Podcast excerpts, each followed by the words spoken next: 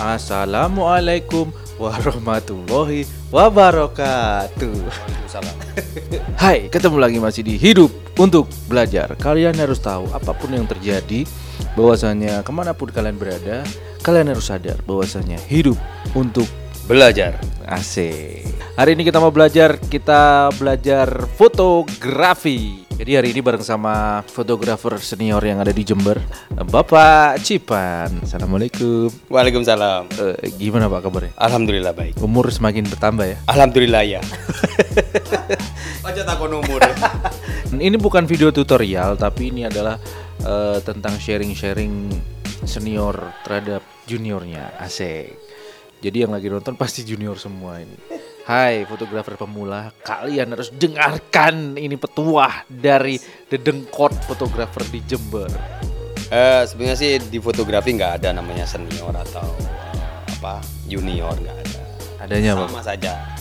Tergantung punya uang berapa mau beli kamera. Yo Yo jadi bukan senior, bukan junior, tapi yang ada adalah siapa yang paling update dialah yang akan menang. Nah, Asik. Siapa yang banyak temennya dia yang akan banyak job. Dari mulai kapan Pak dulu jadi fotografer? 2013 2014 ya. 2013 2014 itu awalnya kenapa jadi fotografer? Awalnya saya seorang IT. Waduh, IT. Iman dan takwa. jadi teknisi di beberapa warnet dulu. Dengan menurunnya apa warnet ada ada duit, tanya-tanya sama temen yang lebih yang lebih apa? Yang lebih tahu tentang kamera. Ternyata direkomendasikan pakai kamera merek ini, tipenya tipe ini. Awalnya gimana prosesnya? Awalnya kita sering ya bareng sama temen hunting-hunting bareng dulu. Belum langsung job belum ya? Kita nggak mungkin ujuk-ujuk menerima job. Bisa-bisa kita dipukulin orang nanti karena hasilnya nggak sesuai, ya nggak sesuai. Jadi perlu yang namanya latihan dulu ya. kita mengasah rasa, mengasah skill. Jadi kalau atlet itu olahraga, kalau kita olah rasa. Iya betul. Saya kan sering juga lihat eh, YouTube-nya Om Darwis, Anton Ismail. Harus yang namanya kita belajar itu karena kamera itu nggak nggak melulu harus begitu. Mungkin pakemnya mungkin begitu, ternyata setelah diolah kembali ternyata hasilnya menghasilkan sesuatu yang berbeda. Saya sering melontarkan pertanyaan ke teman-teman kamera apa yang paling terbaik. Kamera terbaik adalah kamera yang yang kita punyai sekarang dan harus kita kuasai. Itu kamera terbaik. Tapi ada beberapa orang juga membantah hal itu. Kamera yang terbaik adalah kamera yang mampu kita beli dengan harga yang tinggi atau apa pun. Tapi percuma juga dengan kamera yang tinggi kemudian kita melupakan satu hal bahwa skill itu pun harus diasah, feel kita terhadap cara memotret, terus kita berhubungan dengan teman, dengan klien, dengan apa pun yang berhubungan dengan kamera itu pun juga harus perbaiki, terutama di attitude. ya. Melukis cahaya dengan digital itu biasanya yang yang sering dikatakan Om Darwis. Jadi kita Oh iya iya iya. jadi kita harus menguasai cahaya, kita menggambar dengan cahaya gitu katanya. Tapi setelah saya lihat memang iya, kamera ini nggak berfungsi dengan baik kalau tidak ada cahaya. Suka dukanya menghadapi klien bagaimana Pak? Jadi kita harus paling enggak mengurangi rasa ego. Ada beberapa orang yang mempunyai pemikiran, boleh kita menggunakan idealisme kita boleh dan itu sah. Cuman jangan lupa bahwa proses untuk menjadi idealisme itu kayak kita belum apa-apa sudah idealisme. Pinter enggak, kamera bagus enggak, sudah sudah idealisme. Udah sosokan ya, jangan nggak boleh ya. Jangan sosokan gitu. Boleh idealisme tapi harus ada kesepakatan dengan klien. Boleh, boleh. Seorang idealisme kayak beberapa senior fotografi di Indonesia. Mereka menanamkan apa yang idenya itu ditanamkan ke klien. Ini harus begini, ini harus begitu. Harus sesuai dengan keinginan fotografer. Cuman dengan bayaran tinggi. Dengan eh, outputnya nanti hasilnya harus bagus. Tidak akan disamai oleh fotografer yang lain. Jadi mereka sudah mempunyai gagasan, ide yang berbeda. Nah itu kalau kita ngomongkan idealisme. Cuma belum apa-apa kita sudah ngomongkan idealisme. Pinter enggak, kita melihat cahaya aja masih bingung, mendirect orang aja masih susah. Tiba-tiba kita ngomongkan idealisme. Kalau kata orang Jember itu metao, metao, metao, metao kon. hidup untuk belajar, bukan hidup untuk metao, bukan. Bukan berarti kamera yang ada di tangan saya, saya ini orangnya sudah nggak mau belajar atau apa. Nggak. Sebisa mungkin saya belajar dari siapa pun dan dari apa pun yang saya lihat dan saya dengar dari teman-teman. Jadi ini ada ada pengaruhnya sebetulnya. Kalau kita bisa menjalin menjalin hubungan dengan teman, tidak menutup kemungkinan terjadi kolaborasi nanti di situ. Itu salah satunya keuntungan kita berteman sesama fotografer atau dengan komunitas yang lain yang berbeda. Semakin banyak teman, semakin banyak juga seharusnya itu relasi yang berhubungan dengan dunia fotografi itu sebenarnya banyak. Tips untuk fotografer pemula yang pengen mencoba terjun di dunia fotografi, kira-kira tipsnya apa? Apa yang harus dilakukan dulu? Asah skill dulu.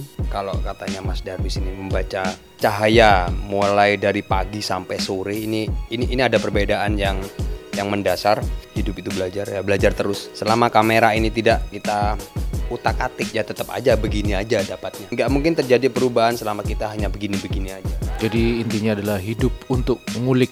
Untuk yang baru aja belajar fotografi ini harusnya dari dulu kita sampaikan kalau mendapat job jangan jual murah Kapan kayanya kalau murah terus? Supat support, supat support, dengkulmu support. karena gini kamera yang kita beli bukan kamera murah harus kita menggunakan beberapa brand kamera Jadi ini bukan mainan teman-teman. Ini adalah ibaratkan kalau di dunia militer ini adalah laras panjang. iya bukan barang-barang Bukan pajangan di rumah kalian. ini bukan sok ya bukan ya karena gini apa yang kita beli itu nanti yang akan menghasilkan sesuatu yang bernilai bagi klien atau bagi diri kita Apa yang harus tidak dilakukan yang kayaknya fatal kalau dilakukan dalam fotografi, khususnya di industri terhadap klien, terhadap teman, terhadap apa pun itu yang berbau fotografi. Kalau kita mau menerapkan aturan terhadap seseorang itu pun ya juga nggak adil bagi bagi mereka. Harusnya ini kan menjadi nafsi-nafsi ya urusannya mereka sendiri. Cuman kalau ini berdampak terhadap industri fotografi itu bukan hanya fotografi aja yang terkait itu banyak jadi seumpamanya kita sudah melupakan di sekeliling kita yang yang terkolaborasi ya contohnya kayak makeup artist ada model dan lain sebagainya. Kalau kita ngomongkan industri kita jalin sebaik-baiknya. Dari beberapa apa pengalaman mereka ini nggak mau untuk mendekati mau berteman atau apa nggak mau. Jadi seolah-olah mereka dengan asik dengan dunianya sendiri. Nah, salah satunya itu dan ada salah duanya. Apa salah duanya? yaitu jual murah gitu.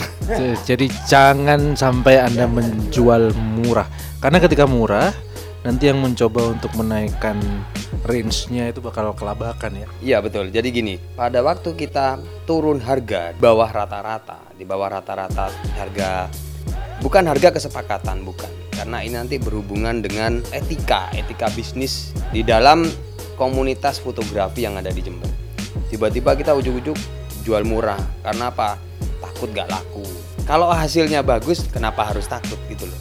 Kita sendiri yang nggak bagus-bagus banget bisa jual mahal gitu. Loh bukan berarti nanti kita harus mengembalikan modal ini ya harus. Soalnya ini kan ada biaya penyusutan di sini. Kalau kita nggak hitung ya pada waktu terjadi apa-apa nanti kita tidak bisa mengcover harga ini. Ada maintenance, ada upgrade kamera, alat lebih bagus lagi. Nah, namanya ada kebutuhan-kebutuhan yang harus kita kejar demi suatu yang terbaik untuk eh, untuk Subluan di rumah. ya bukan untuk untuk klien maksudnya Cuma kan nanti kan ada imbal balik, keuntungan bagi klien, senang kliennya, dan kita pun mendapat mendapat bayaran. Terima kasih Pak Cipan, kita sudah ngobrol panjang sekali. Terima kasih ya. Nanti kita ketemu lagi di hidup untuk belajar selanjutnya. Jadi jangan lupa bahwasannya ja- jadi manusia jangan metau, jangan sok tahu, jangan metau. Karena kenapa? Sehebat apa pun Anda, sekeren apa pun Anda, sekaya apa pun Anda, hidup itu hanya sementara karena hidup untuk belajar. Assalamualaikum.